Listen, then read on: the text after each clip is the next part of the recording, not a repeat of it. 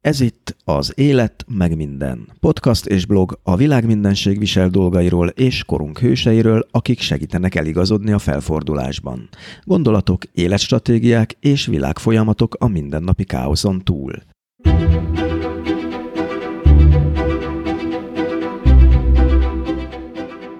Azon kevesek közé tartozik, akik már gyerekként is pontosan tudták, mi lesz a hivatásuk.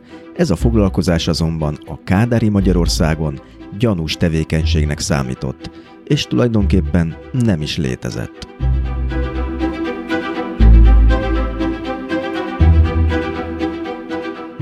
Szóval ültem otthon a lakásban, és tűnődtem, hogy, hogy mit tudok én kezdeni magammal, az embernek valamihez kell érteni, és én mihez értek, történelmi térképekhez gondoltam, ezt így pessimistán, mi az, hogy történelmi térkép? Semmi.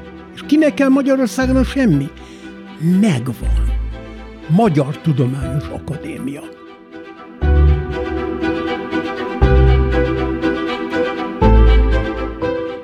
Bereznai Andrásnak végül lett jól fizető állása, és azt csinálta, amit mindig is szeretett volna, térképeket. Csak hogy úgy érezte, megvesztegeti a rendszer, a rendszer, amit utált.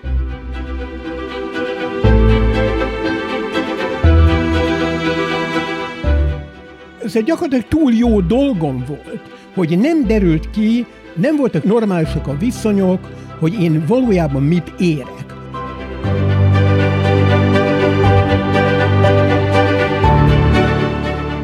Ezért a 70-es évek végén elhagyta Magyarországot, és Londonig meg sem állt. Történelmi atlaszait ma már világszerte forgatják, de pár éve Magyarországon is megjelennek munkái. Most például a cigányság történetének atlasza.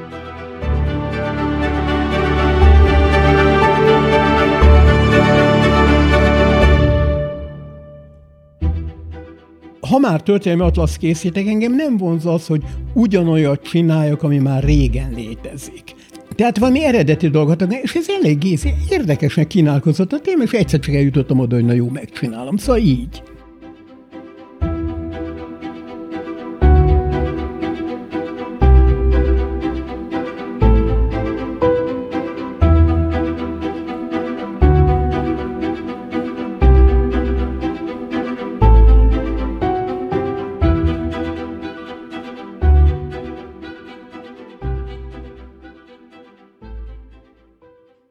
Ez itt az Élet meg minden nyolcadik adása. Én Tóth Szabolcs Töltöm vagyok, ebben az epizódban pedig Bereznai Andrással beszélgetek egy régi atlasz sorsalakító hibáiról, az emigráció éveiről, az újonnan kiérkező magyarokról és persze a Brexitről. A műsor egyes epizódjaihoz linkeket, jegyzeteket, valamint további információkat is találhattok az Élet meg minden weboldalán, amelynek címe az életmegminden.hu. A podcast epizódjain kívül itt önálló cikkeket, eszéket is olvashattok, tehát még egyszer az oldal címe az életmegminden.hu, természetesen ékezetek nélkül. A podcast megtalálható az iTunes-on is, ahol a korábbi és az új epizódokat is szintén meghallgathatjátok. Ha itt iratkoztok fel a podcastra, kérlek ne felejtsétek el értékelni, ez nagy segítség abban, hogy mások is ráakadjanak a műsorra. Aki pedig a Spotify-on hallgatja a hallgatni valót, ott is megtalál minket, csak keressen rá az alkalmazásban arra, hogy az élet meg minden.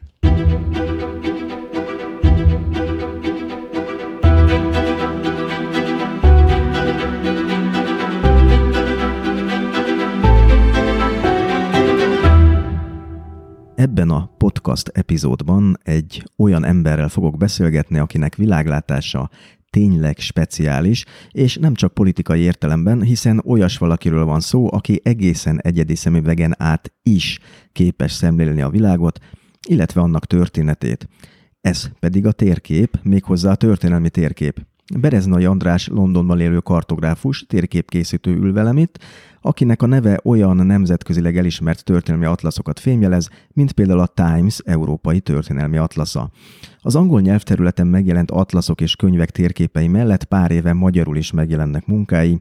Az Erdély történetének atlasza után különleges vállalkozása a cigányság történetének atlasza, amely nemrégiben látott napvilágot Magyarországon. Nos, Ezekről a könyvekről is beszélgetünk majd, de mindenek előtt arról, milyen az, amikor valaki már gyerekkorában is pontosan tudta, mi akar lenni, illetve arról, mit jelentett történelmi térképeket készíteni a Kádári Magyarországon. és arról is, miért döntött úgy Bereznai András a 70-es évek végén, hogy elhagyja az országot, és Angliában próbál szerencsét. Szervusz András, köszöntelek a műsorban, és akkor szerintem kezdjük az elején. Korábbi interjúid alapján is ugye azt lehet rólad olvasni, hogy 8 éves voltál, amikor eldőlt az, hogy gyakorlatilag a térkép lesz a szerelmed, hogy ez igaz? Amivel én nem voltam akkor ilyen értelemben tisztában, de hogyha a mai jóval későbbi életkoromból nézzük azt a dolgot, akkor igen, hát azt mondani, eldőlt. Én akkor csak annyit észleltem, hogy ott volt a falon a térkép, és nem tudtam neki ellenállni, világtérkép volt, és úgy vonzott, mint a mágnes, hogy néztem, néztem, és az a, az a nő, akivel mentem, akinél nyaraltam, akinek dolga volt a hivatalban, már rég befejezte a dolgát, és alig tudott elvonszolni. Tehát a kis Berezni András ott ácsorgott a térkép előtt, és valami Igen. mágikus hatást Igen, és nem tudom miért. Ez a rejték. Uh-huh. És uh, hogyan folytatódott ez a szerelem a térképekkel? Hát akkor kiderült, hogy, hogy, hogy, hogy érdekel a térkép, és annyira pontosan nem emlékszek a következő részletekre, de egy év múlva, ezt viszont konkrétan tudom, erre emlékszek, hogy már ott tartottam, hogy a földközi tenger medencét fejből egész pontosan le tudtam rajzolni. És ez volt 1957-58, ha jól emlékszem, valahogy így? Ö, 57, amikor én 9 voltam, igen. Később ebből a szerelemből az lett, hogy történelmi térképkészítő lettél, de hogyan lesz valaki történelmi térképkészítő egy egzotikus foglalkozásnak tűnik a Kádári Magyarországon?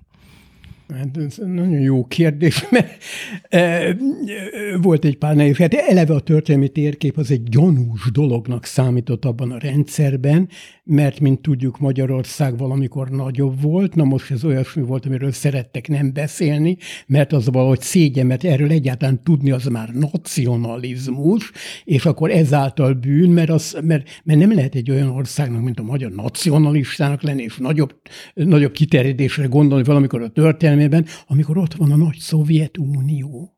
Az csak nekik szabad.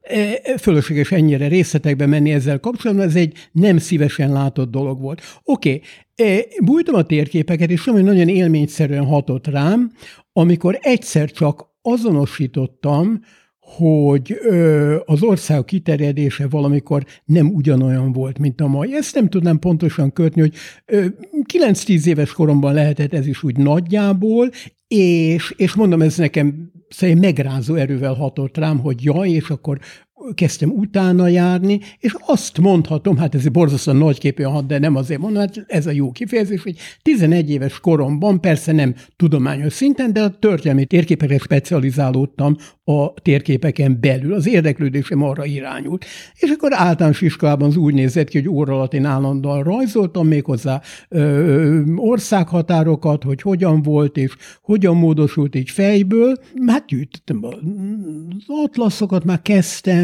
történelmi atlaszaim is voltak, jártam antikváriumokba, és akkor még, még volt is ott egy ember, Tardi Lajosnak hívják, aki különböző 56-os dolgai miatt kénytelen volt antikváriumban dolgozni, ahol sokkal nagyobb ember volt, de aztán végül már bekerült a Nemzeti Múzeumba, annak valamilyen osztályvezetőjébe.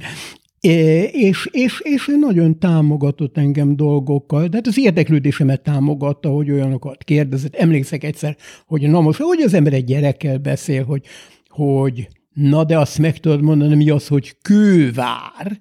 És az helyzet, hogy én tudtam a választ, mert tudtam, hogy nem arra gondol, hogy egy vár, ami kőből van, hanem, hogy a, az Erdélyhez kapcsolt részekben volt egy terület, ami nem volt megye, de különálló közigazgatási terület, és ez volt a neve, hogy kővár. Na szóval ilyenekkel, és ez nekem egy ilyen öröm volt, hogy én ezt tudtam, és átmentem ezen az akadályon. Aztán aztán hát az ember befejezte végül a középiskolát is, az érdeklődése megmaradt, és hát rá kellett jönni, ez nem fog úgy menni, hogy én csak azt csinálom, amit szeretnék, az kénytelen leszek egyetemet is végezni. Úgyhogy ezzel nem tudtam el, elkerülni, hogy történelmet tanuljak, vagy hogy arra szakra jelentkezzek, ami mondjuk persze érdekel, tehát ez nem volt olyan nagy dolog, de az ember lusta, és miért járjon egyetemre, ha nem muszáj, hát akkor így muszáj volt, és jártam. Egyszerű volt akkoriban bekerülni? Egyáltalán nem volt egyszerű, hát első lépésben Debrecenben nem vettek föl történelem fölrajzra, mert hogy egy ilyen érdeklődés, nekem ez volt a kívánatos párosítás, és méghozzá azért nem vettek föl, vagy legalábbis mindenképpen ez egy részok volt, azon kívül, hogy általában nehéz volt, az osztályfőnököm rossz jellemzést adott rólam. Azt hiszem össze lehet úgy foglalni a dolgot minden bizonyítvány, magyarázás nélkül, hogy túlságosan szabad szellemű ember voltam az ő ízléséhez, és ezt valahogy nem szerette. És ez megpecsételte ott? Hát ez igen, abban az, az első nekifutásban igen. Na most, mint hogy a, a, a gimnáziumból hozott jellemzés, hozzáférők jellemzés három évig volt érvényben, kim voltam a gimnáziumból, nem voltam még benne az egyetemen, hát akkor az ember dolgozott, ami nálam úgy néz ki, hogy hol dolgoztam, hol nem dolgoztam, mert nem egy helyről kidobtak, vagy, vagy, vagy én léptem ki, és ez úgy nagyon változó volt. Lényeg az, hogy éppen az orvosi könyvesboltban dolgoztam, persze a Baros utcában, ahol az egyik kolléganőm esti egyetemre járt, még az a történelemből, és az, azzal jött be nagyon dúltan, hogy az egyik tanár, tehát föl volt háborodva Szabás, hogy a, a vizsgán olyanokat, olyan dolgokat kérdezett, ami nem is történelem. Hát miért? Földrajz. Földrajzi kérdés? Mi miket kérdezett? Hát olyanokat, hogy hogy egyes népek egyes korokban milyen a folyóknak melyik oldalán laktak. Igen? És mond, mit kérdezett meg? És mondott valami hasonlót, hogy hogy hívják ezt az embert? Mondta, hogy Székely György. Mentem a telefonkönyvhöz, kikerestem az egyetem számát, a kollégáim nem tudták, hogy mit csinálok, megtaláltam az egyetem számát, fölhívtam az egyetemet, hogy Székely Györgyel szeretnék beszélni. Kapcsolták a, kollégám teljesen készségbe voltak és hogy a lányt ki fogják dobni az egyetemről, és, és amikor jelentkezett a hát széke professzor, akkor én hát ilyen 18 19 éves kor, inkább 15 éves kori, ö, teljesen naív lelkesedéssel előadtam. Azt, hogy úgy látom, hogy őt a történelmi földrajz érdekli, mert, mert olyan hírek értek el engem, hogy vizsgákon olyan jellegű kérdéseket kérde, tesz föl, és hogy ez engem borzalmasan érdekel, és ezt úgy hallgatta, és hát valószínűleg ez nem volt mindennapos ö, tapasztalata számára, és egy rövid csönd után azt kezd, hogy be most menni az egyetemre. Hát mindössze munkaidőben voltam, úgyhogy miért? Nem mondtam, hogy igen, Egyel több vagy kirúgás már mit számított? E, igen, de nem, ott engem szerettek, úgyhogy ez nem féltem különösebben, és tudtam, hogy ez úgy elmegy. És viszont inkább az volt, hogy, hogy egy kicsit megijedtem, hogy mit fogok mondani. Hogy rendben van, most engem fogad ez az egyetemi tanár, de mit fog mondani? Hát, hogy legyen témám, magamhoz vettem egy, akkor egyetlen történelmi atlasz volt, egy iskolai történelmi atlasz elérhető Magyarországon, abból egy példa, amiről én már régen észrevettem, hogy teli volt hibákkal, mert akkor már eleget tudtam erről, hogy hol kellene lenni egy bizonyos határnak, és ilyen politikai szempontból gondolom, hanem, hanem hogy hogy volt az történelmileg helyes, és akkor hol tévedtek, stb., és gondoltam, hát legfeljebb arról fogok beszélni. Úgyhogy akkor bementem, nem is volt annyira szükség, hogy erről beszéljünk, nagyon barátságos volt velem Székely György, és, és, és különböző dolgokról, ami hát erről a témáról szólt. Beszélgetünk, de a végén elmondtam ezt is, amire ő azt az észrevételt tette, hogy ha gondolom, akkor írjam meg ezeket a hibákat, tehát csinálják egy, egy listát, egy, írjak belőle egy cikket, juttassam el hozzá, és hogyha ő elég jónak találja, akkor eljutatja az illetékes szaklapnak. Idővel ez meg is történt, és akkor kaptam egy értesítést a századoktól, hogy a szerkesztője hálás lenne, hogyha fölhívnám a beküldött cikken kapcsán. Persze, nem kellett nagyon várni, hogy hálás lehessen, hívtam, megbeszéltünk egy közel időpontot, fogadott, és azzal kezdte, hogy Köme Pamlény Ervinnek hívták ezt a szerkesztőt, ö, azzal kezdte, hogy a cikkét úgy döntöttünk, hogy sajnos megjelentetjük. Mire én majdnem, hogy föl nem ugráltam, hogy miért sajnos. Azért sajnos, mert én egyike vagyok az Atlas szerkesztőinek. Mármint maga a szerkesztő. Igen, a, a, a folyóirat szerkesztője. És nekem ezek után jutott csak eszembe megnézni, Különben ez azóta is félig meddig jellemző maradt rám, azzal együtt az ember nagy nehezen tanul, hogy tehát a nagy megközelítései nem mindig hasznosak. Rájöttem, hogy Székely volt a másik szerkesztő. Volt még több rajtuk kívül, azt hiszem talán 6-8-an lehetek, de mind a ketten köztük voltak, és ennyire korrektek voltak, hogy, hogy ott egy, egy, egy, egy, egy abszolút senki társadalmi súlyát tekintve fiatal ember ott előáll kritikával, akkor nem úgy nézték, hogy jaj, menjen innen, ez az, menjen el ez az ember, ez minket zavar, hanem úgy, hogy amit mond, az jogos, és akkor meg is jelentették a, a századokban, hát persze a legkomolyabb magyar történelmi folyóirat. Úgyhogy ez egy nagyon jelentős dolog volt nekem, és, és, és hát az egyetemre bejutásban ez segített, hogy, hogy nekem ott megjelent írásom, és akkor végül századoktól kaptam munkahelyjavaslatát, addigra körülbelül el is ment annak az érvényessége, hogy, hogy az osztályfőnöki javaslat, és hát az egész más elbírálás alá elfett, hogy a századokat nekem munkahelyjavaslatot, hogy a munkatársuk vagyok, ami mégis egy kicsit, még lehetett egy kicsit túlzás, de, de félig meddig igaz volt, mert más hasonló írásaim is jelentek már meg. És akkor történelem szakon. Történelem, és, és azért, mert kötelező volt két szakosnak lenni, és én gimnáziumban spanyol tanultam, hát akkor az volt a megoldás, hogy egész más volt az egyetemi rendszer, mint most, eh, hogy történelem spanyol szakra jelentkeztem, és hát ezt sikerült elvégeznem. Mhm, ugorjunk egy kicsit az időben. Ugorjunk. Tehát elvégezted az egyetemet, de akkor már a 70-es évek, ugye? Erről beszélünk most kb. Igen. Amire elvégezted az egyetemet. Igen, 74-ben fejeztem. 74-ben fejezted be. És uh, volt az életedben egy másik fontos dátum, ez pedig 78, amikor Magyarországról Angliába emigráltál.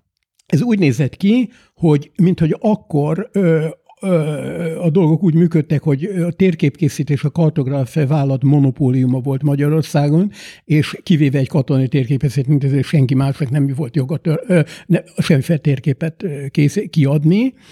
Úgyhogy az egyetlen lehetőség az volt, hogy én náluk jelentkezek. Ez viszont valamennyire problematikus volt, mert az a századokban megjelent ismertetés, amiről az előbb beszéltem, az pontosan az ő történelmi atlaszokról szólt, és azzal együtt, hogy nem ők voltak a történészek, akik szerkesztették, de mégis szerepük volt benne, az ott dolgozóknak egy nagyon jelentős százaléka egyszerűen zokon vette, és személyes támadásnak vette maguk ellen, vagy az intézmény ellen az én megjelent cikkemet, hogy persze nem erről szólt.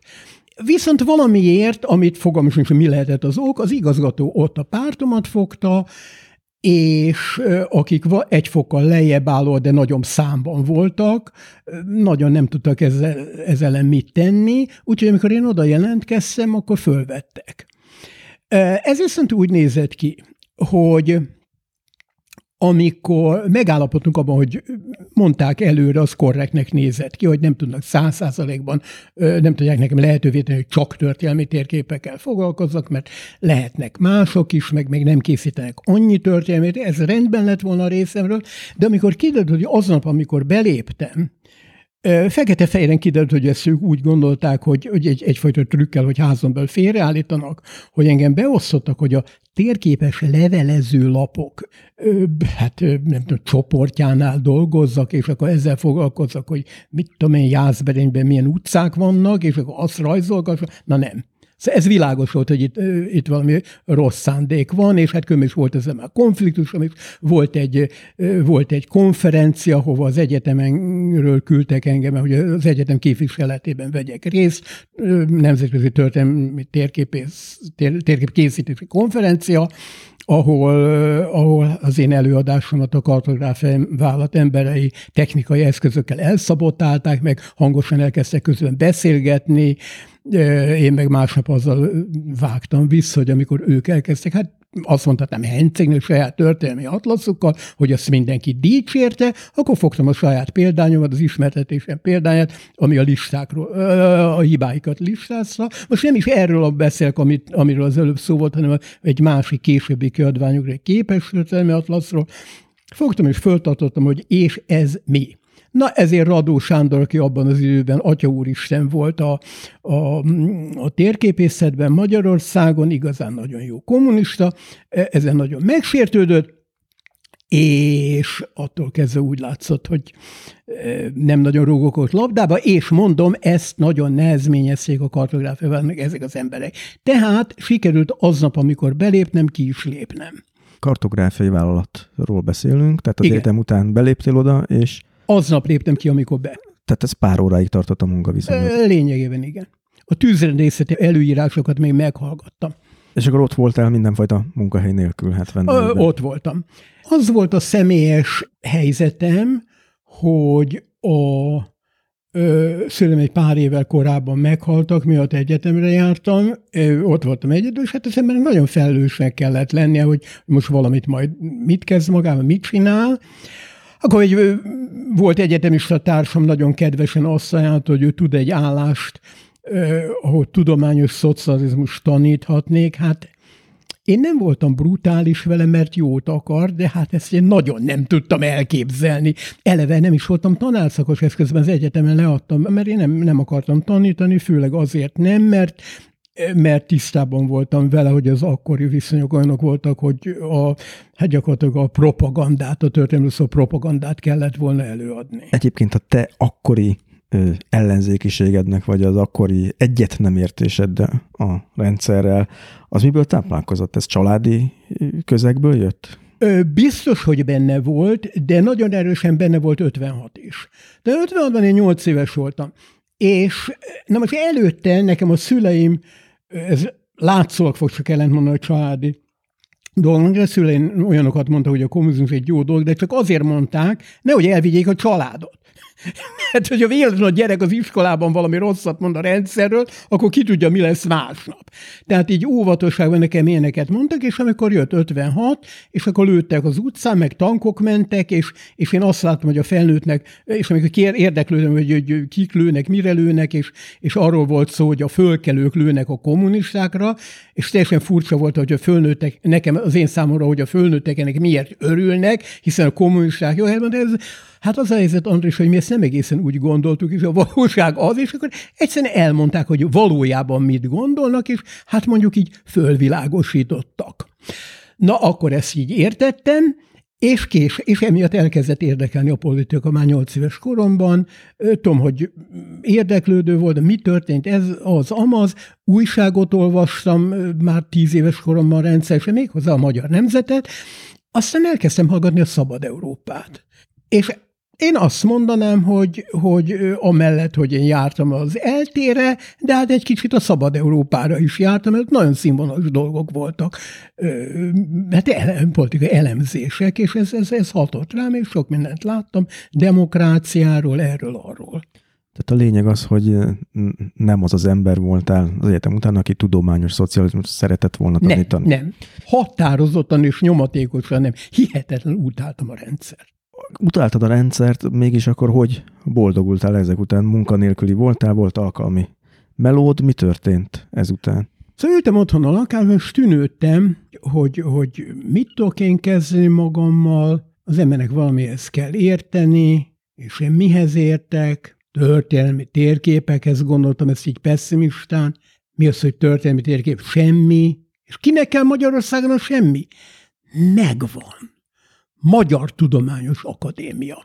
Ezt így gondoltam végig, ez volt a gondolatsor, és ugyanaz történt, mint korábban az egyetemre bejutam, illetve hát ez a széke professzor beszélt is alkalmával, hogy telefonkönyv, hívtam az akadémiát, jó napot kívánok, a személyzeti osztályra szeretnék beszélni. Egyes vagy kettős osztályt szeretnék. Nem tudom, ez mi.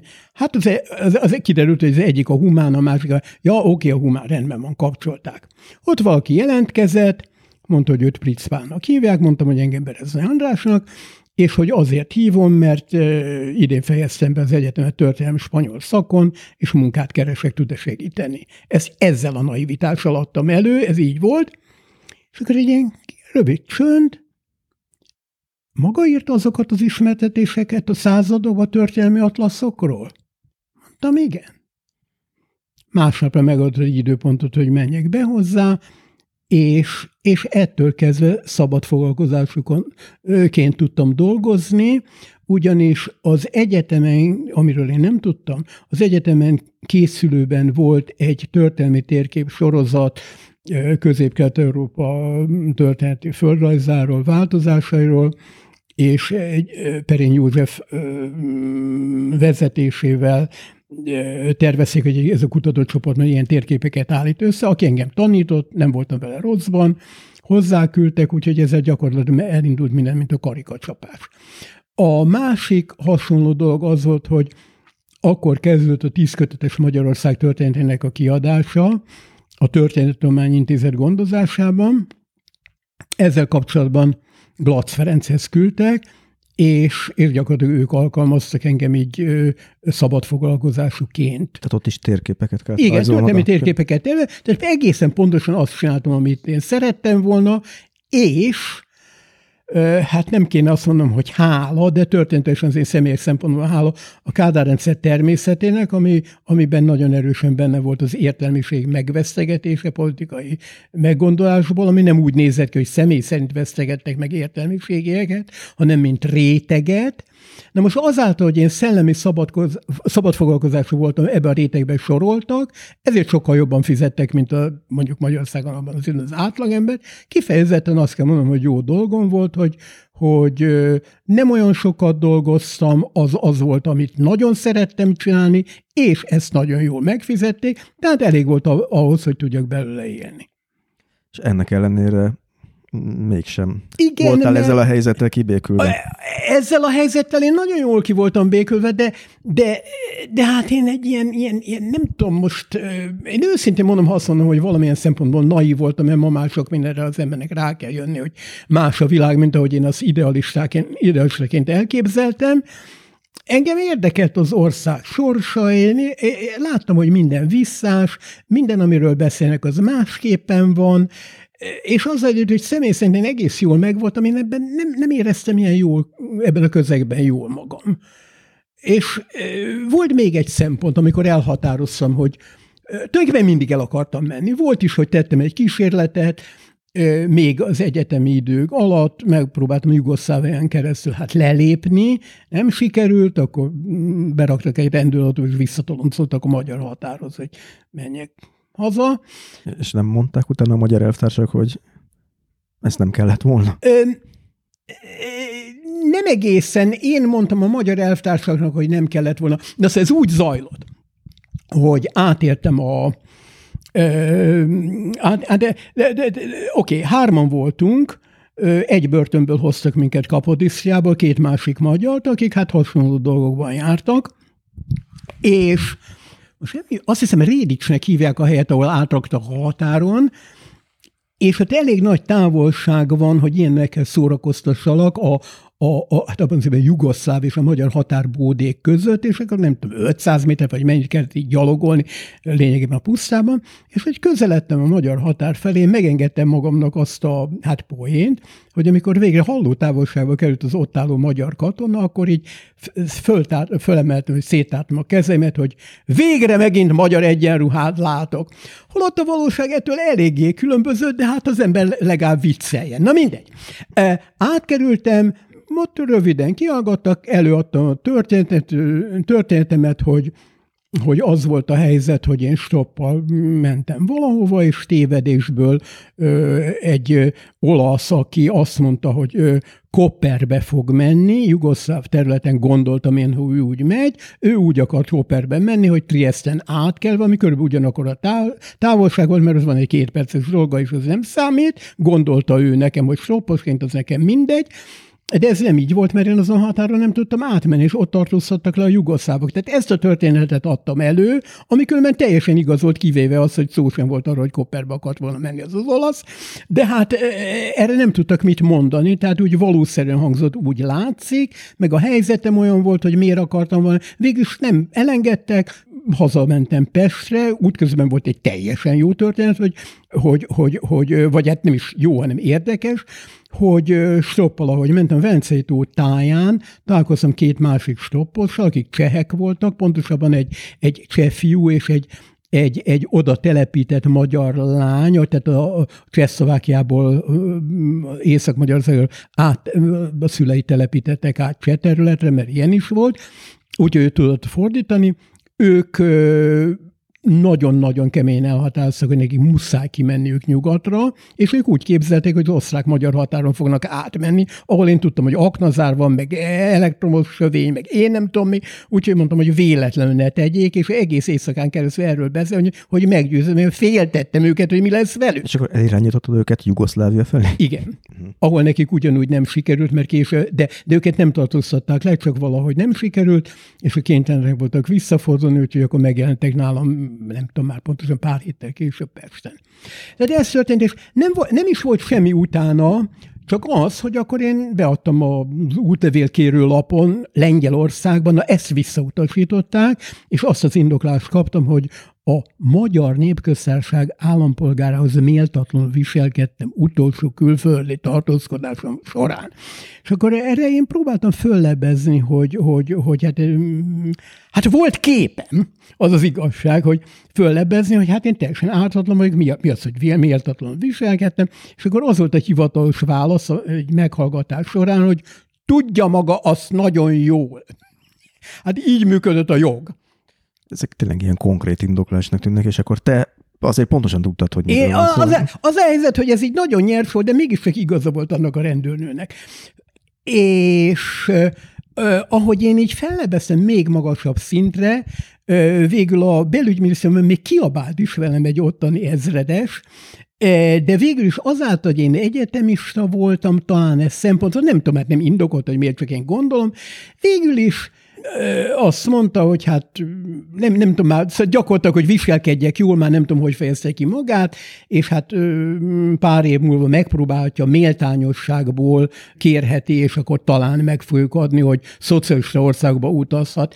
És tényleg ez történt. Tehát tulajdonképpen az, az, az atyáskodó állam, aki, Igen. ahol jól kell Igen. viselkedned, Igen. és hát ha Igen. tesznek valószínűleg, engedményeket. Valószínűleg itt is az már az játszott közben, hogy bölcsész hallgató voltam, akkor ezzel már úgy félig meddig az uralkodó osztály részének számíthattam, és akkor ezt úgy lehet, hogy őszintén nem voltak tisztában maguk sem, hogy tényleg mi történhetett az én történetem alapján. Lényeg az, hogy két évvel a Jugoszláviában történtek után engedtek már a Varsói szerződés országaiba menni.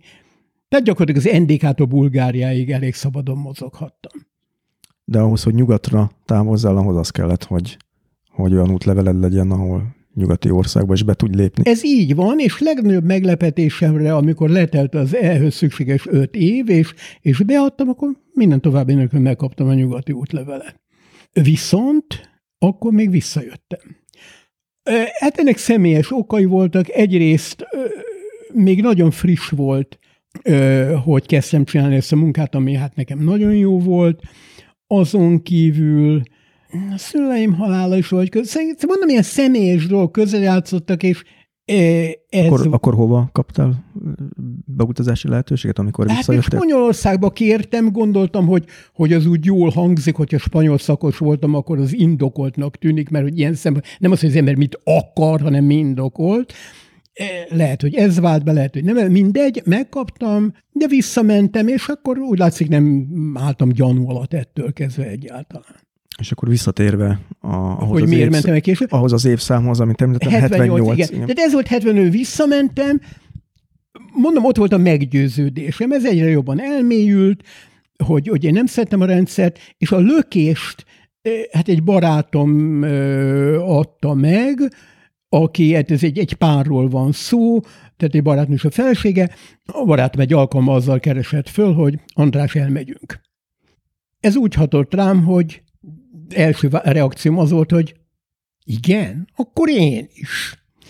De aztán tényleg alaposabban átgondoltam a dolgot. Szóval körülbelül két hétig tartott ez a folyamat, amikor, amíg átgondolom, hogy megyek, nem megyek, és a döntő érv az volt, hogy most a politikai szempontokon túl én azt éreztem, hogy azáltal, hogy amit az előbb említettem, hogy ez az értelmiségi besorás, amit én tudtam, hogy így van, hála a szabad Európának, ez gyakorlatilag túl jó dolgom volt, hogy nem derült ki, nem voltak normálisak a viszonyok, hogy én valójában mit érek.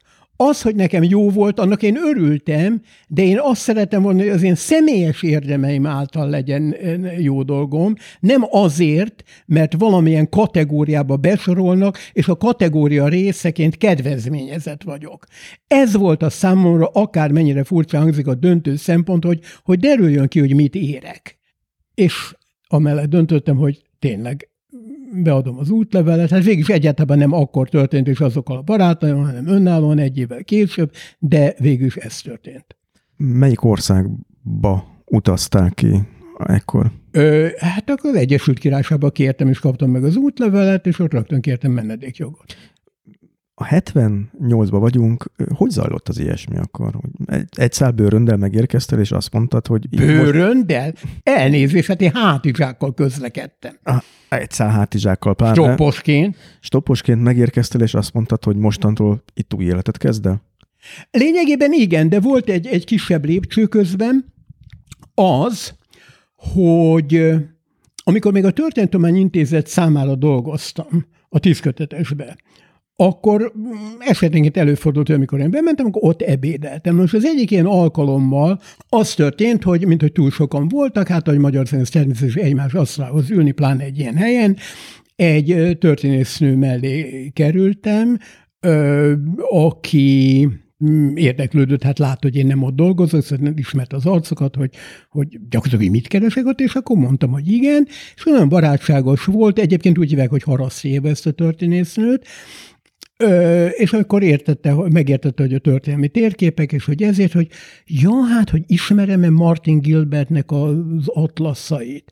Hát történetesen ismertem, és hogy mit gondolok, mondom azt, hogy nagyon érdekes témái vannak, nagyon jól földolgoz őket, de hát a határok irtúzatosan pontatlanok és fölöttes, és óriási hibák vannak benne. Igen, itt ismétlődött meg a történelem, hogy kérte, hogy, hogy hát írjak össze egy párat, és tudnék, hogy jóban van ezzel a Martin Gilbertel. Kiderült, hogy a hölgynek a férje akkor már megvolt, csak még nem költözött ki hozzá egy A.G.P. Taylor nevű angol történész, és hát ennek a körében találkozott a Martin Gilberttel.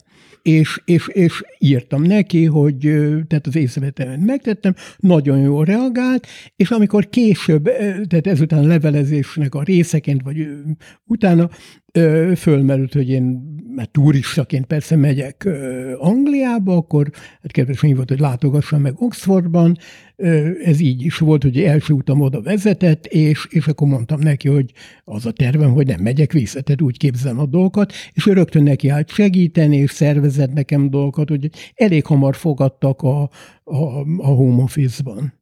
Ez azt jelenti, hogy innentől a szakmai karriered töretlenül ívelt fölfelé az Egyesült Királyságban? Hát majdnem. Tudnék, hát kellett találnom egy szobát, ahol lakjak, és az ügynökség egy, egy, egy magyar ember által vezetett ilyen, ilyen hát a lakáskérdő ügynökség az, az segített nekem, és alkalmazott takarítóként, és hát ilyen kádakat pucoltam, meg bokrokat nyírtam, meg ilyenek voltak, és közben hála a stopnak, tudnék úgy mentem Angliába, egy, egy angol ember vett föl még Franciaországban, aki, amikor mondtam neki, amikor már bent voltunk az országban, hát az az igazság, hogy én készülök itt maradni, akkor nagyon-nagyon ö, ö, előzékeny volt, és a segítségét ajánlott, hogy van jogász ismerős, hogyha szükség van arra, hogy erre végül is nem volt, de megmaradt a kapcsolat ezzel a családdal, és náluk tudtam írógépet használni, mint kiadóknak írtam, hogy ajánljam a szolgálataimat, és így befutott az első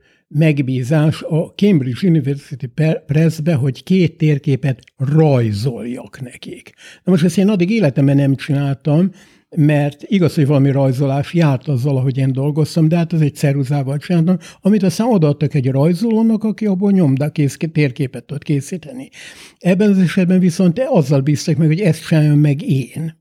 De most az volt a kérdés, hát honnan veszek tollat, hogy kell az egészet csinálni, és ez hogy néz ki. Úgy egyébként tudtam, hogy mit várjon el az ember egy térképtől, de, de hát ez technikailag hogy van. Na most óriási szerencsém volt, mert ez az ember, aki mondom sloposként bevitt Angliába, neki voltak ö, ismerőség kiadóknál is, és az egyik ö, fogadott, és Hutchinson nevű, azt hiszem már nem létező kiadónál, ahol megmutatta azt a, hát akkor még nem komputeren készültek ezek a dolgok, azt a, azt a, azt a, azt a fehér kartonlapot, amire fölragasztották a, a filmeket, a különböző rétegekben, mindegy. Én ezt így megnéztem, láttam, hogy van, már csak toll kellett hozzá, erre kaptam pénzt kölcsön a, ettől az embertől, és hát elkészítettem azt a két térképet, és elfogadták, és rendben volt, vissza tudtam adni a toll árát.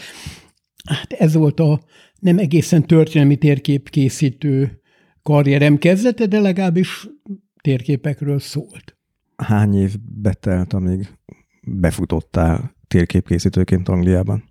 Hát nem tudom mi az, hogy befutni, de, de elég jelentős lépés volt, hogy hát én nagyon döngettem a kiadóknak, és nem mondanám azt, hogy könnyű volt.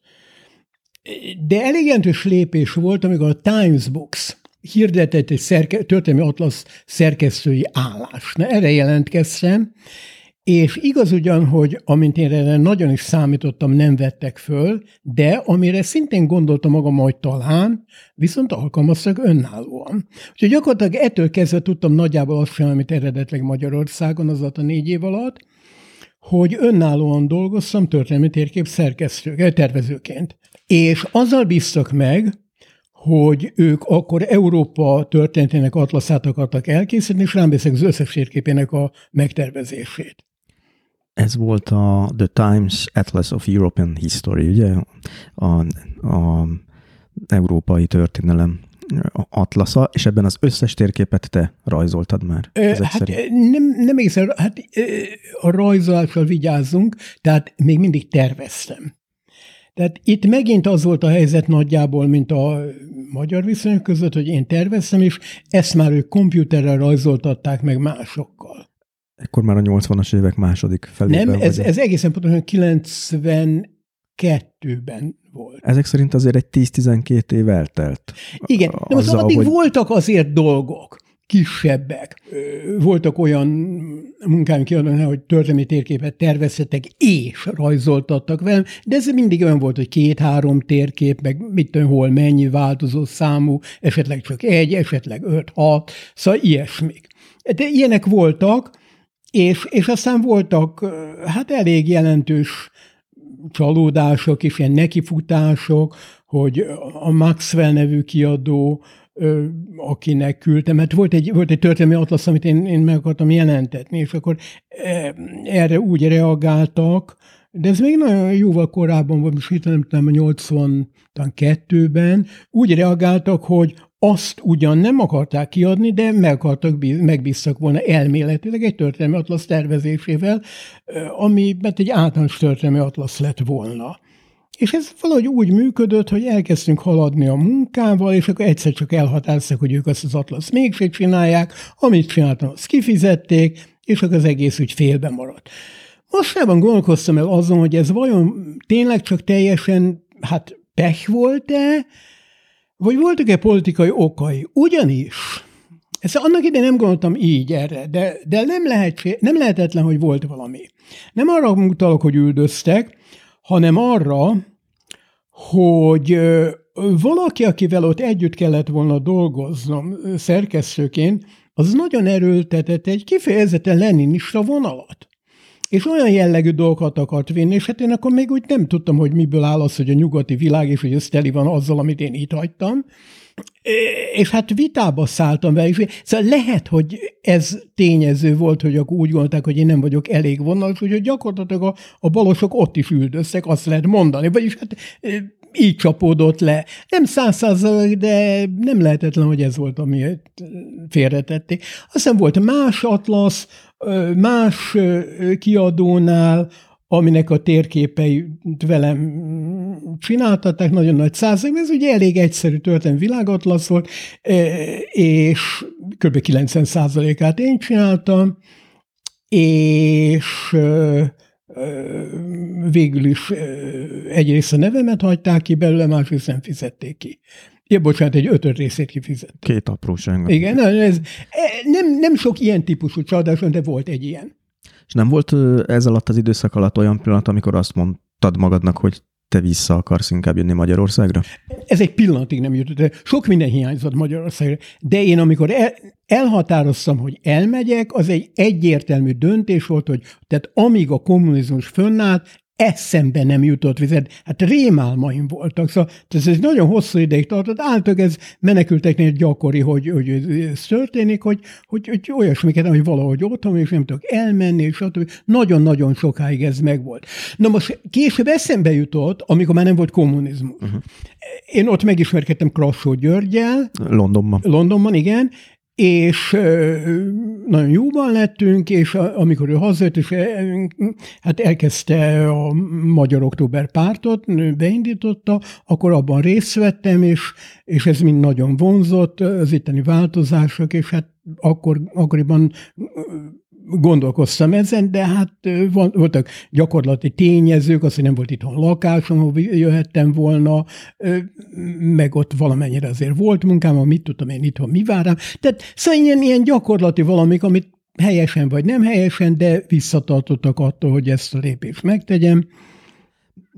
Sok olyan hallgató lehet, aki, aki lehet, hogy nem is élt a rendszerváltás idején, vagy gyerek volt, nem figyelt erre oda, akiknek nem sokat mond Krassó György neve, úgyhogy közvetőleg jegyezném meg, ugye, hogy ő egy, egy igazán ö, szabad szellemű ö, emigráns, emigrációs létből hazatérő politikai gondolkodó volt, mondhatjuk ezt? Nagyon mondhatjuk.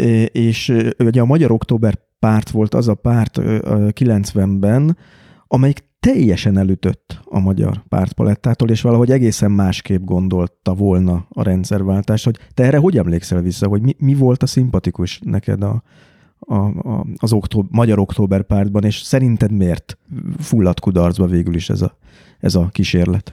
Hát kudarcba azért fulladt, mert akkor már lejátszott lapok voltak, amit nagyon jól látott Krassó, és pontosan azért hozta létre a Magyar Október pártot, mert megpróbálta még az utolsó pillanatban menteni a menthetőt, és ahogy ő ezt a dolgot látta, egy, egy valódi demokráciát hozni létre, ami nem csak formálisan az. Ő úgy látta a helyzetet, hogy miközben természetesen rendkívül üdvözölte azt, hogy a kommunizmus a vége felé jár, és hogy ez meg fog szűnni. Egyébként még érdemes róla elmondani, ez is nagyon fontos, hogy amíg még fönnállt a kommunizmus, ő volt az a magyar ellenzéken belül nagyon hosszú ideig lényegileg egyedül, aki 56 hagyományait képviselte az akkori jelentős pártok, az SZDSZ, meg az MDF, nagyon szégyenlősek voltak ezzel kapcsolatban, hát nem illet erről nekik beszélni. És amikor Rassú beszélt róla, akkor azt mondták, hogy vérontást akar. Ami egyáltalán nem volt természetesen igaz. Azt, azt akarta, hogy a dolgokat ne a nép feje fölött döntsék el, a népet ne csak asszisztálásra használják, hogy a szavazatával legitimálja a fönnálló hatalmat, amit az értelmiségiek, ahogy ezt Rasszul látta egymás közt, hát ez azt hiszem a mostani kurrens kifejezés, hogy lezsíroztak, hanem hogy ők döntsék el, hogy milyen irányba induljanak az ország, lentről fölfelé történő változásokat akart, ahol a, megint csak mai kifejezés, az emberek egymással egyeztetik, hogy mi a problémájuk, maguk között képviselő ket választanak, most nem is feltétlenül országgyűlési képviselők, csak aki a, a nézeteiket képvisel, és ebből épülnek majd a pártok. Tehát egy ilyenfajta átalakulás szeretett volna, hogy ez ebből következtető, de hát az volt, hogy gyakorlatilag olyan emberek, akik önjelöltek voltak, az, hogy összeálltak néhányan, és alapítottak egy pártot, mondjuk néhány százan leg, legjobb esetben, és akkor a, a fönnálló hatalom ezekkel tárgyalt, és gyakorlatilag átadta nekik az országot, ahogy Krassó ezt elmondta, és ezt szerette volna, hogy azért még, mégis bevonni ebbe a népet, hát nem sikerült neki. Mm. Tehát te 78-ban érkeztél meg ugye Angliában, Igen. és 2018-at írunk, az azt jelenti, hogy jól számolom, az, ne, 40, az, az 40 év. Az 40 év. Az 40 év. Um, de amire ki akartam lyukatni ezzel a kérdéssel, hogy azért Anglia rengeteget változott, valószínűsítem 40 év alatt, ha csak arra gondolunk, hogy ugye most már a, a Brexit után vagyunk, ahol éppen az volt az egyik, egyik um, a ok, hogy mennyit változott. Te hogy érted ezt meg, hogy mennyit változott Anglia? Az alatt az idő alatt, amíg te kint voltál, vagy kint vagy, mert jelenleg is Londonban élsz. Nehéz ezt megfogni, mert ha Angliára gondolok, akkor a változás nem a legelső szó, ami az eszembe jut, mert, mert talán a legutolsó, mert a dolgok elég, e, eléggé nem mozognak, eléggé Abszolút nem a személyes dolgom, csak eszembe jut valakinek a története, aki valahol egy ismerősen egy bögrét letett valahova, és akkor elment Brazíliába néhány évre, és amikor visszament, akkor a bögre ugyanott volt. Szóval ez valahogy jellemzi nem csak az ő barátait, akárkiről is van szó, hanem Angliát. És ami viszont nagyon föltűnő, hogy azzal együtt, hogy nem az, hogy 40 évvel ezelőtt, hanem még nagyon sokáig az ember azzal együtt, hogy tudta, hogy rengeteg Mohamedán él az Egyesült Királyságban, nem, nem látott föltűnően olyan külső embereket, annyira nem, hogy erről eszembe jut, hogy, hogy egyszer, amikor hát nagyon nem volt munkám, és egy, egy, egy történetesen egy arab cégnél dolgoztam térkép rajzolóként néhány hónapig, akkor az ott dolgozó arabok volt, ez a bel, London belvárosában volt, belső részében volt, az ott dolgozó, egyszer csak oda csődültek az ablakok, hogy, hogy ott, men, ott megy egy arab. Mondtam, hogy te, is arabok vagytok. Ja nem, hanem, hogy olyan, aki arab ruhában is jár. És hogy azért az volt a nagy szám. Na most ez borzasztóan megváltozott. Most e, gyakorlatilag az ember megy az utcán, és olyan, mintha félig meddig ilyen közel-keleti magyarul ö, környezetben mozogna, ilyen, ilyen fátyolokba takart nők, meg egyéb kendős legalábbis, és stb. Tehát ezek a dolgok rettentően előre törtek. Um, említetted ezt a bögrét, letette az illető, és visszatért x idő után, és mindig ott volt a bögre. Uh-huh. Ez, ez mi, mit takar az angolokba? Ez egyfajta korrektséget, vagy merevséget? Hogy te ezt hogy raktad össze magadban, hogy milyenek az angolok? Mondjuk a bögre dolgot egyiket sem magyaráznám, de mind a kettő találó, hogy az angolokban ez, ez megvan. A merevség, azt, szóval nem olyan merevség, mert nálunk, ha valaki merev, akkor az az ő személyes tulajdonsága. A briteknél ez nem személyes, hanem mondjuk osztálytulajdonság, vagy egyáltalán a kulturális megtanult viselkedési módja. Ő nem szánja merevségnek, hanem én ezt úgy mondanám, hogy nem, nem akarom bántani és elmarasztani az Egyesült Királyság, hogy Angliát, de bizonyos értelemben Stálin álma. Ez elég meglepő, és az, megdöbbentő. Az, nem politikailag gondolom. Ezt én csak úgy mondom, persze ironikusan, hogy az ember Stalinról tudja, hogy az az elképzelése, az az ideális társadalom, ahol a dolgok egyformák, az emberek egyformák, szovjet emberek, stb. egy rúgóra járnak. Na most az emberek lehet, hogy nem szovjet emberek, sőt egyáltalán nem azok, de kialakultak olyan informális hát viselkedési kötelezettségek, ami alól, aki ott nő föl, nem tudja magát kivonni. Mondanál egy hétköznapi példát, hogy mire gondolsz? Én ezt úgy fogalmazom meg magamnak, hogyha, vagy úgy, vagy, vagy volt, hogy egy beszélgetések során egy magyarnak így próbáltam, mint most neked például, és föltettem neked így a kérdés, hogy mit gondolsz, hogy amikor két angol leül egymással beszélgetni, akkor mi van mind a kettőnek a fejében elsősorban? A közhely szerint az időjárás, de... De, e, Ezzel de... Most, igen, de nem, nem, nem az, hanem, hanem még az időjárás mögött, hogy miért az időjárás? Az van, az időjárás az már az okozat, nem az ok. Az van, hogy nehogy véletlenül ő beletaláljon avatkozni, betaláljon avatkozni a másik ember életébe, tehát olyasmit mondjon, ami annak számít, a másik pedig, ami egyidejűleg koncentrál, hogy nehogy véletlenül eltűrje azt, hogy a másik az ő életébe avatkozik bele. Na most mind a ketten elsősorban erre koncentrálnak, ez az a bizonyos viselkedési szabály, amiből következik, itt jön be az időjárás, hogy nem marad, amiről beszélgethetnek. Vannak bizonyos, az angolok erről így beszélnek, hogy biztonságos témák. A biztonságos téma nem az, ami Magyarországon, hogy a politikáról nem szabad beszélni, mert arról beszélni. Á, dehogy. Arról szabad, mert az nem személyes. És nagyon sok minden lehet beszélni a macskáról is, de a kutyáról is, sőt, hogyha valaki nagyon-nagyon találékony, a teknős békájáról is beszélget, amit tarthat, csak a saját lelkéről és érzésvilágáról nem, mert az szörnyű lenne, de ugyanakkor már ki is halt belőle, ha nagyon, nagyon kemény akarok lenni, mert annyira nem gyakorol, és nagyon, annyira nem él vele, hogy elsorvad hát én mondom, nem célom nekem itt bántani az országot, akivel tisztességesen bánik, és, és én mit tudom, nagyon sok vonatkozásban becsülöm is, de ebben a társadalmi dolgban nem az, hogy én nem szeretem őket, nekik rossz, csak nagyon sokan közülük nem tudják. Sejtik sokan, csak nem tudják, mi a probléma. Én, én ezt úgy hívom, hogy túlcivilizálódás. Tehát, tehát a dolgok elmentek abba az irányba, hogy az emberek elveszik a képességet, hogy egymással szabadon tudjanak beszélgetni személyes dolgaikról nyíltan. Mert ez valahogy társadalmilag nem elfogadott, így már eszükbe se jut. Na most ez, ez az ember maga is elromlik, hogy ne az angolokat szígyam, hanem magamat.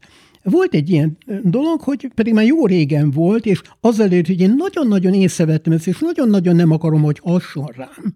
És nem akarok olyanná válni, de megtörtént az, hogy történetesen angol lányal jártam, akkor is Olaszországban voltunk, és és volt egy aznapra egy bizonyos tervünk, hogy merre stoppolunk körben egy Gárgánó nevű milyen kis hegyes táj körül, és egy kis városban egy olasz ember, mert hogy az olasz az olyan, az beszélgetésbe legyedetünk, és beszélgettem is vele, és nagyon jó volt, és egy ponton azt mondta az olasz, hogy hát tudják mit, hát én itt lakok a szomszédfalban, jöjjenek, látogassanak meg.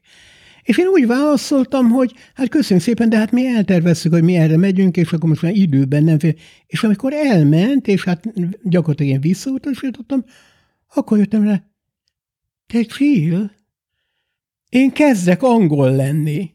Most hagyj kanyarodjak egy vissz, vissza egy kicsit a, a, az újféle Angliához, amikor ugye nem akartam ezzel kapcsolatban belét folytani a szót, hogy a, sokkal több burnuszos embert, vagy, vagy, vagy, vagy közel-keleti módra öltöző embert lehet látni az utcákon, de még talán ehhez egy kicsit kapcsolódik ahhoz, és nagyon kíváncsi vagyok, hogy ezt hogyan élted meg. Ugye a, a Magyarország Európai Unióhoz való csatlakozása után rengeteg magyar is ö, ö, új hazájául választotta az országot.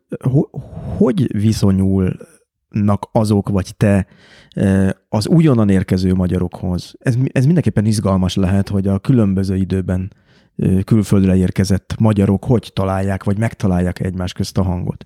Ez egy, ez egy érdekes dolog, és szóval töprengtem már rajta, hogy én egy, egy, egy nagyon nagy változást érzek, nem tudom évszámra megmondani, hogy mikor, de talán durván körülbelül a magyar EU csatlakozás körül lehetett ez időben, amikor valahogy ezen a téren valami nagyon megváltozott. Legalábbis ez az én személyes, ez nem, nem egy komoly és nem egy szociális fölmérés, csak én körülbelül így éle. Az is lehet, hogy én öregszek, és ezért volt így. Tudnélik, én Azáltal, hogy a, az angolok olyanok, ahogy én ezt leírtam, néha találkoztam olyannal, volt, akivel mm, barátok is lettünk, meg van, akivel hogy kevésbé, de úgy jóban vagyok valahogy. Egyébként nagyon rendes és korrekt emberek átlag az angolok, ezt, ezt tudom érteni.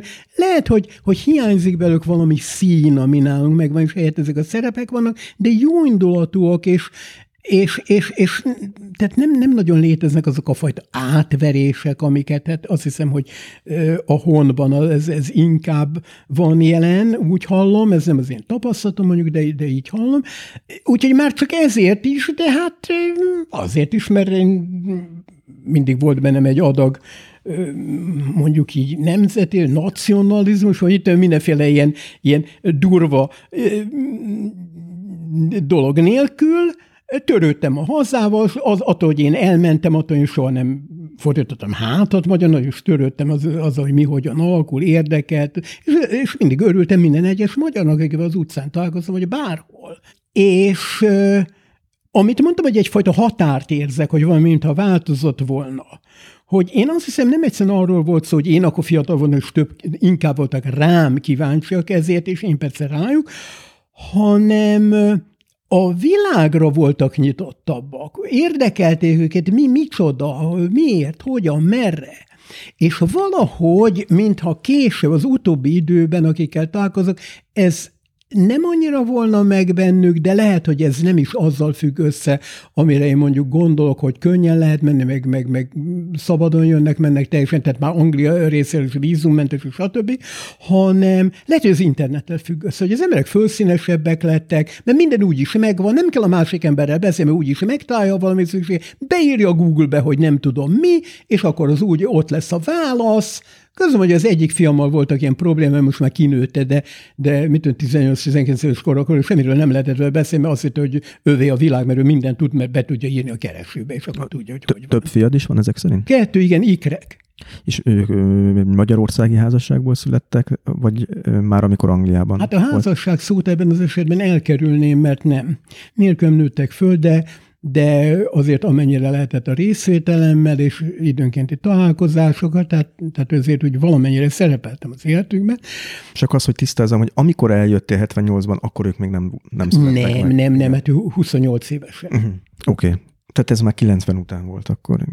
Mm, nem utána, mert 90-ben születtek, úgyhogy előtte uh-huh. kellett, hogy legyen, ha jól De már a rendszerváltás környéki dolgok, amikor visszajöttél először. Uh-huh. 89 tehát, tehát úgy érzed, hogy az új tömegesen Angliában érkező magyar fiatalok, már kevésbé találod meg a, a közös hangot, mint a korábbi Én azt érzem, én teljesen, oké, okay, lehet ennek egy olyan része, hogy hozzájuk én már egy kicsit idős ember vagyok, és ez mindig jelent egy sajnálatos távolságot, ez egy bizonyos fék, ez benne lehet. De én azt hiszem, hogy benne van is, amire gondol, amit említettem, hogy talán ilyen internet, és még valami. Ez viszont nagyon erős. Én először leginkább erre gyanakodtam, mert hogy hirtelen volt ez a váltás. Azt hiszem, hogy hogy ez a mondjuk így eresztés, hogyha ilyen, ilyen, ilyen nem túl udvarosan beszélek egy, egy, egy réteg, egy embercsoportról, ők nagyon erősen azzal mennek ki, hogy most ők hajtani fognak.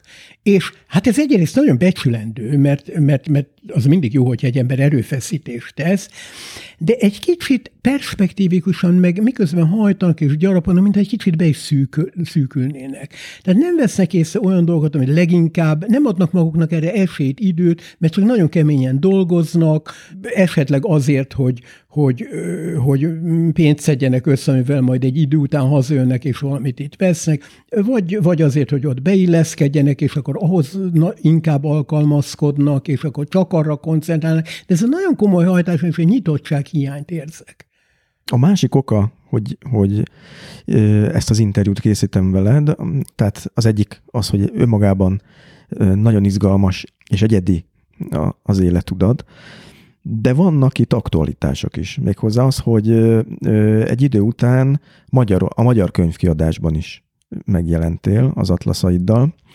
Talán az első nagy dobásod pár évvel ezelőtt az az Erdély történelmi atlasza volt, Igen. Ahol, ahol Erdély történelmét dolgoztat föl, nem is tudom, hogy hány térképen, rengeteg itt van a könyv. Száznál több. Száznál több térkép, és ha jól emlékszem, akkor azt mondtad, hogy ez, ez a könyv azért ez egy 10-15 éven keresztül készült.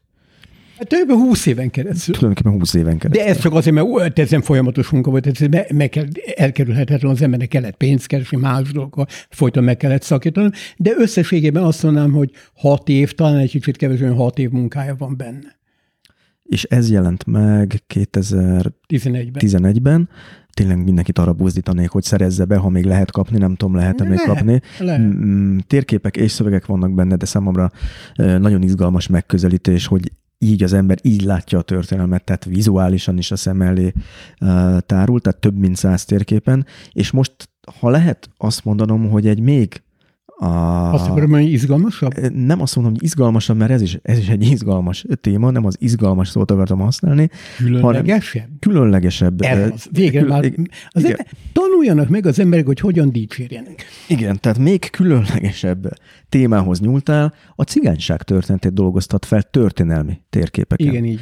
Egészen a, lehet azt mondani náluk is, hogy ős haza?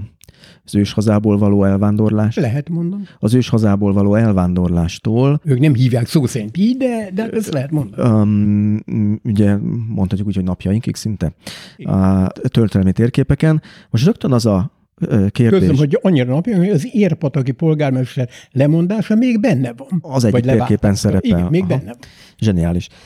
Tehát ez a történelmi atlasz, ez most jelent meg, a napokban volt a könyvemutató, illetve egészen pontosan most, hogy beszélgetünk, ahhoz képest tegnap. Ezt csak azért mondom, mert lehet, hogy valaki igen, sokkal... Hát jún, már júniusban a könyvhéten kint volt. Igen. Kint volt, és a könyvbemutató pedig most volt meg. Úgyhogy hát rengeteg kérdés merül fel itt az emberrel kapcsolatban. Az első zsigeri kérdésem az, hogy nem féltél egy ilyenbe belevágni, hiszen, hiszen azért ez egy aknamező lehet. Olvasom a könyvet, és ugye rengeteg helyen jegyzed meg, hogy ezt nem tudjuk, ezt, ez, ez bizonytalan. Tehát nem volt benned egy félelem, a, a, a, hogy egy olyan kérdéshez nyúlsz, ahol csak támadások fognak érni, miután megjelenik. Én ilyenekről nem szoktam félni. Nem ilyen természetű. Az egyetlen aggály, ami az ember, hogy esetleg nem jelenik meg, hogy hiába dolgozik. Tehát ha valamitől én bár esetleg tartottam, akkor csak ez.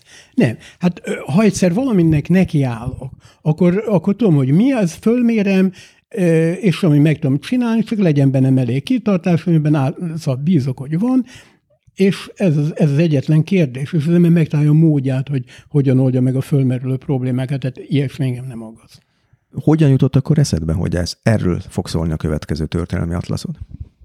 Én azt hiszem, hogy tényező lehetett az, hogy még nagyon régen Magyarországon valami balos megközelítésben támadtak egy történelmi atlasz, mit tudom én már melyiket, mert most már sok, és egyáltalán nem, nem volt az egy nagyon jó, tehát egy rossz indulatú támadás volt, és, és annak egy része volt, hogy azért pocskondiásza le, azt, amivel különben rengeteg más hiba volt, de nem hiszem, hogy ez egy nagy hiba volt benne, az a ballibes kommentátor, hogy de hát nincsen benne a cigányságról szó. Hát elnézést kérek, ha Magyarország történelmi atlaszáról beszélünk, vagy, vagy egy olyan tő Európa, nem is a világtörténelmi, aminek magyar, miért kellene annak mindenképpen, tehát a cigányság nagyon érdekes, meg, meg, meg, meg ez nem jelenti azt, hogy az embernek bármi baja van, de nem egy olyan jelentős történelmi tényező önmagában, hogy egy nem róla szóló atlaszban feltétlenül kelljen foglalkozni, hát mégis egy mellékes tényező. Tehát, de mégis valahogy van, tehát cigányság térkép, valószínűleg ez, ez ott elkezdett, tehát először úgy nagyon elutasítóan reagáltam, de utána utána ott volt egy bizonyos gyökér bennem, vagy egy mag, vagy valami. És aztán néha eszembe jutott, akkor volt egy olyan, hogy hogy egy, egy angliai barátnőmnek a hazai barátnője ott volt látogató, és valahogy én együtt mentem vele buszon Oxfordba, és ez a lány egy magyar hazai cigány szervezetnél dolgozott, valamilyen, nem is tudom, adminisztráció, ő maga nem cigány, de náluk dolgozott, és akkor úgy neki a buszon emlék, hogy figyelj, te én egy ilyenen gondolkozok. Tehát, de akkor még nem határoztam el. És mondta, hogy igen, érdekes lenne, és, és hogy hát ő nem is hallott. Na szóval ilyen apró dolgok, és hát meg az ember hallja a sok támadás, ami a cigányokat éri Magyarország. Én ezt egyáltalán nem vagyok politikai korrektség, nagyon-nagyon keményen elutasítom, mint a fő gonoszt a politikai korrektséget, de nem éreztem sohasem indokoltnak, hogy azzal itt, hogy nyilván vannak valós problémák, de hogy úgy ugye az egész cigányságot így elutasítani, meg, meg, meg mindenféle faj, meg egyéb dolgokat hozzanak fel, ez mindig ellenkezett az én érzésvilágban, nem, nem, nem értettem ezzel együtt. Én néha találkoztam, nem, nem olyan környezetben értem, ahol nagyon sok cigány van, és tudom, hogy akik az ellenség, az ezt mondanak, hogy na persze azért van, de nem, hanem néha találkoztam itt-ott, cigány emberekkel, és az a helyzet, hogy vagy közömbösek voltak, vagy inkább szerettem őket, valahogy értelmes, barátságos, nyílt, de egyszer rokon szemeseknek találtam őket, és ezek mind bennem élhettek, és egyszer csak ilyen, ha már történelmi atlasz készítek, engem nem vonz az, hogy ugyanolyat csináljak, ami már régen létezik. Tehát valami eredeti dolgot, és ez elég érdekesnek kínálkozott a téma, és egyszer csak eljutottam oda, hogy na jó, megcsinálom. Szóval így. Hány térképről is van szó? 52. 52 térkép. Um, egészen uh, ha, me, me, mennyi időt fog ez át? Hát attól függ, hogy nézzük. Ha az előtörténetet, ami benne van az atlaszban, beleszámoljuk, akkor kezdődik időszámítás előtt, Krisztus előtt kb. 2000-ben, amikor Közép-Ázsiából Indoária népesség ö, ö, hát vándorolt be Indiába, ahol ott még akkor inkább dravid, vagy csak dravidák éltek. És rájuk települt, és aztán jóval később ebből a közegből hát szakadtak ki a cigányok, és ki tudja miért, senki nem tudja, indultak el Európa irányába. Tehát Atlasz szempontjából tulajdonképpen ez egy hálás dolog, mert sok helyszínt kellett bemutatnod a vándorlás során. Igen, hogy egy, egy variációt visz bele, de hát végső soron ezekről a korai dolgokról csak néhány térkép szól. Az első megmutatja ezt a mozzanatot, hogy, hogy, amit az előbb említettem, aztán van egy következő térkép, ahol, ahol pusztán elméletek szerepelnek, ami nem az akkori. Az Atlaszon van egy historiográfia jellege is, hogy, hogy a legkülönbözőbb kutatóknak milyen álláspontjuk van, mert, mert sokszor ez teli van, hát elméletekkel, találgatásokkal, ilyenekkel.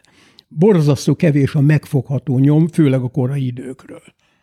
Arról már kérdeztelek, hogy hogy érzékelted Anglia megváltozását, de ezzel kapcsolatban van egy nagyon fontos ugye, fordulópont, ez pedig a, a Brexit népszavazás. Te, mint ott élő, és ugye angol állampolgár, vagy brit állampolgár mm. vagy már Igen. évtizedek óta. Hát 85 óta. 85 óta. Te hogy szavaztál, vagy hogy, vagy melyik oldalt támogattad? Nem tudom, hogy például, Angli- például Angliában ez, ez inkorrekt kérdés lenne megkérdezni valakitől, hogy nem? Az, erről lehet beszélni, hogy te kire szavazol. Uh-huh. Te aki, akkor melyik oldalra szavaztál? Itt nem is a szavazási kérdés, hanem már eleve hát nekem ezzel hátterem van. Én, én, én szemben állok az egész Európai Unióval, mert az Európai Unió áll szerintem szemben a, a nyugat, hát ahogy ezt a szót használják, Európa, de, de tulajdonképpen nyugatról van szó, saját hagyományaival. Ez egy, az Európai Unió a nyugat hagyományai szempontjából egy aberráció, illetve egy teljesen retrográd dolog egy visszafejlődés, nem előrelépés, méghozzá évezredekkel visszafejlődés. Ezzel biztos sokat vitatkozni, mert én pont ellenkezőleg látom, de te vagy itt a fontos ebben az interjúban. Rendben de... van. De hát erről nekem a Magyar Nemzetben jelent egyszer meg egy írásom, ami erről szólt, és hát elmondom a saját véleményemet erről, de jobban kifejtem, mint most így egy-két szóban tudom, meg hát eleve összeszedetebben, amikor az ember ír, hogy Ez miért... 6-7 éve volt egyébként, igen. Igen hogy, hogy, hogy, hogy miért kártékony az Európai Unió alapjában véve. Nem azt mondom, hogy minden egyes részlete az, minden, minden, minden vonatkozás az, de összességében alapjában véve föltétlenül és borzalmas. Hát ha jól emlékszem, az egyik nagy erősebb kifogásod az volt, hogy, hogy nem szervez. Tehát mindig baj volt abból, hogyha birodalmi egységbe szerveződött Teljesen Európa. idegen a nyugati hagyománytól az, hogy birodalmat építsenek föl, és ez egy birodalom. Nagyon hosszú, Azon kívül nem is demokratikus ráadásul. Nagyon hosszú beszélgetés lenne szerintem az, hogy erről meggyőzzük egymást, mert hát rengeteg olyan ér van, amit, ami, amit, amit Miért kell ütköző zóna. meggyőzni? A hallgatóságot kellene, hogy ha, halljon olyan véleményt, amit esetleg máshol nem. Csupán annyit akartam érzékeltetni, az, hogyha belemászunk abba, hogy most geopolitikailag, hogy Kína, meg az Egyesült Államok, meg egy egységes Európának mennyi esélye van egy ilyen globális világgazdaságban, meg mennyi esélye mondjuk a nemzetállamoknak, soha nem érünk a végére. Nem. Tehát a lényeg az, hogy te akkor elég erősen a Brexit a, nem az, hogy elég belé... erősen, minden a legkisebb kétség nélkül és azonnal.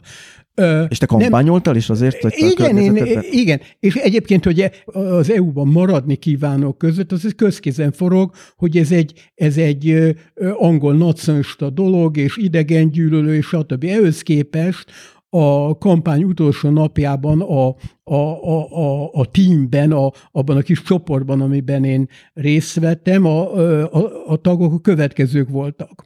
A vezetője egy jamaikai volt, volt benne, hát talán nem kell elsősorban magamat, nem ez jut eszembe, de hát ez egy magyar.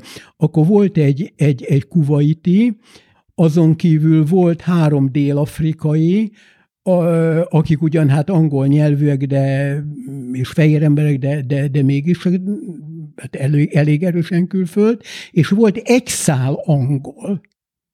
Tehát így nézett ki a, a, az idegen gyűlölet, a, a, tehát abszolút nem igaz. Ezt akarom mondani. Ez, ez nekem tökéletesen megvédő, nyilván nem véletlenszerű, Egyszerűen nem igaz, hogy ez idegen gyűlöletről szól, ez arról van szó, hogy az ország önrendelkezését akarják ezzel a birodalomszerű képződménnyel visszaszerzni, és én ezt százszázalékosan támogatom. És az nem volt megfontolás tárgya, hogyha az Egyesült Királyság kilép az Európai Unióból, akkor ezzel ugye nagyon sok magyarnak a helyzete is meg nehezedhet ott, illetve hát nyilván sokkal kevésbé számíthatnak arra, hogy ö, ö, ott találják meg a boldogulásukat. Ez, ez, ez bevallom, hogy egyáltalán nem volt szempont, mert, mert hogyha lett volna, az egy hibás dolog lett volna, lehet, hogy ez én vállon lehetne engem veregetni, hogyha ez lett volna a szempontom, hogy jó magyar vagyok, de nem ez volt a szempontom, mert ez, ez egy mellékörülménynek, egy, egy, egy egészen alacsony szinten álló mellékörülmény, tehát a dolog közösségéhez képest alacsony szinten mellékörülménynek az előtérbe helyezése lett volna. Egyfajta, hogyha magyarként én odasolom magam, a kollektív önzés lett volna. Tehát helytelen lett volna. Politikai döntések között, tehát erről van szó, akkor nem nézhetem azt, hogy, hogy mit tudom én, egy pár magyarnak, vagy mit tudom én, akár hány ezer magyarnak kevesebbet kelljen sorba állni a röpülőtéren, vagy izé, vagy tehát nem, nem, nem ez dönti el hanem akkor az a szempont, tehát nem lehetek tisztességtelen, de ez nem ilyen nagyon árnyaltan jelölő, tehát én nem akarom ma ezt túl, mit tudom, mintha milyen erkölcsös, nem erről van szó, hanem ez egyszerűen magától értetően így helyes. A, az túlzás lenne, ha úgy fogalmaznék, hogy az egész életedet végigkísérte azt, hogy, hogy bizonyos elvek mentén döntöttél? Abszolút. Hát ez, ez, ez, ez én nagyon sok mindent végig gondoltam tínédzser koromban. Tulajdonképpen ezek a kérdések arról szól, hogy mit miért, hogy miért így, miért nem úgy volt benne mindig egy adag lázadás. Én, én soha nem akartam valamit követni, egy akármilyen tant, vallás, ez vagy az, mert az egészében úgy helyes.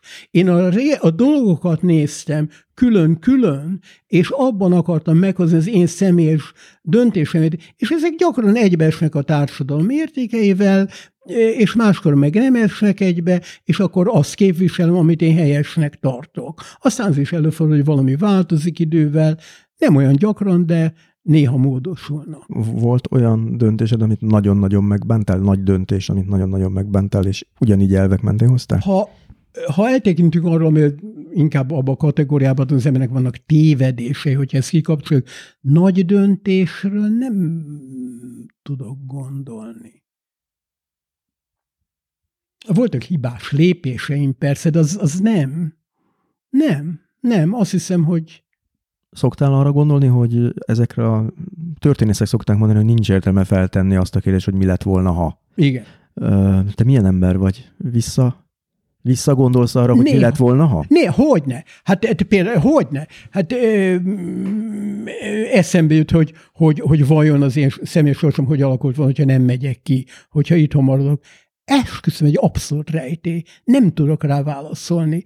Tehát ugyanúgy benne van az elnyomorodás lehetősége is, de úgyhogy egész súlyos szinten, hogy az is megtörtént, és az is lehet, hogy valahol a hatalm, hatalm legfelső hát régióiban mozognék és olyanok között, az összekötetések adottak voltak. Tehát, tehát ennek volt, hogy aztán ennek mennyire Mm, lehet, hogy erősebb az elnyom, vagy valahogy nem tudom, nem, nem, nem tudok rá válaszolni. Mai eszeddel is ugyanezt a döntést hoznád meg? Hát borzalmas kínban lennék, hogyha ezt föltennék, mert két egészen különböző, vagy több szempont ütközik.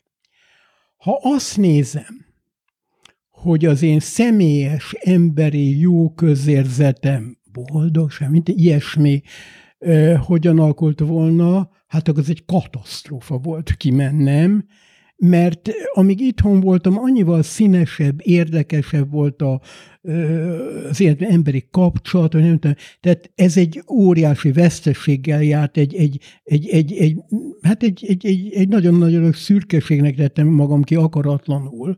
A másik viszont, hogy annyi minden Az embernek a szeme sok mindenének kitágult. Annyi mindent tanultam, amiről nem tudnék, anélkül, amivel nem lennék tisztában, vagy torzítottam, valahogy ne, hogy, hogy azt meg sajnálnám elveszteni, és Mérlegre lehet tenni ezt a kettőt?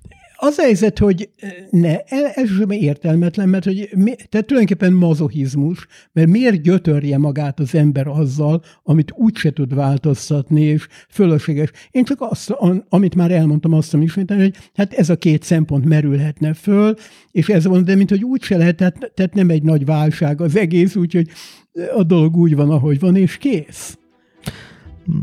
Köszönöm az interjút. Nagyon szívesen.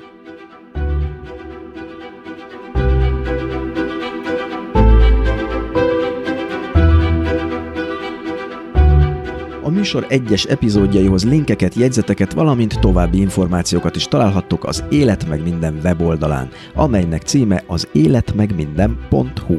A podcast epizódjain kívül itt önálló cikkeket, eszéket is olvashattok, tehát még egyszer az oldal címe az életmegminden.hu, természetesen ékezetek nélkül. A podcast megtalálható az iTunes-on is, ahol a korábbi és az új epizódokat is szintén meghallgathatjátok. Ha itt iratkoztok fel a podcastra, kérlek ne felejtsétek el értékelni, ez nagy segítség abban, hogy mások is ráakadjanak a műsorra. Aki pedig a Spotify-on hallgatja a hallgatnivalót, ott is megtalál minket, csak keressen rá az alkalmazásban arra, hogy az élet meg minden.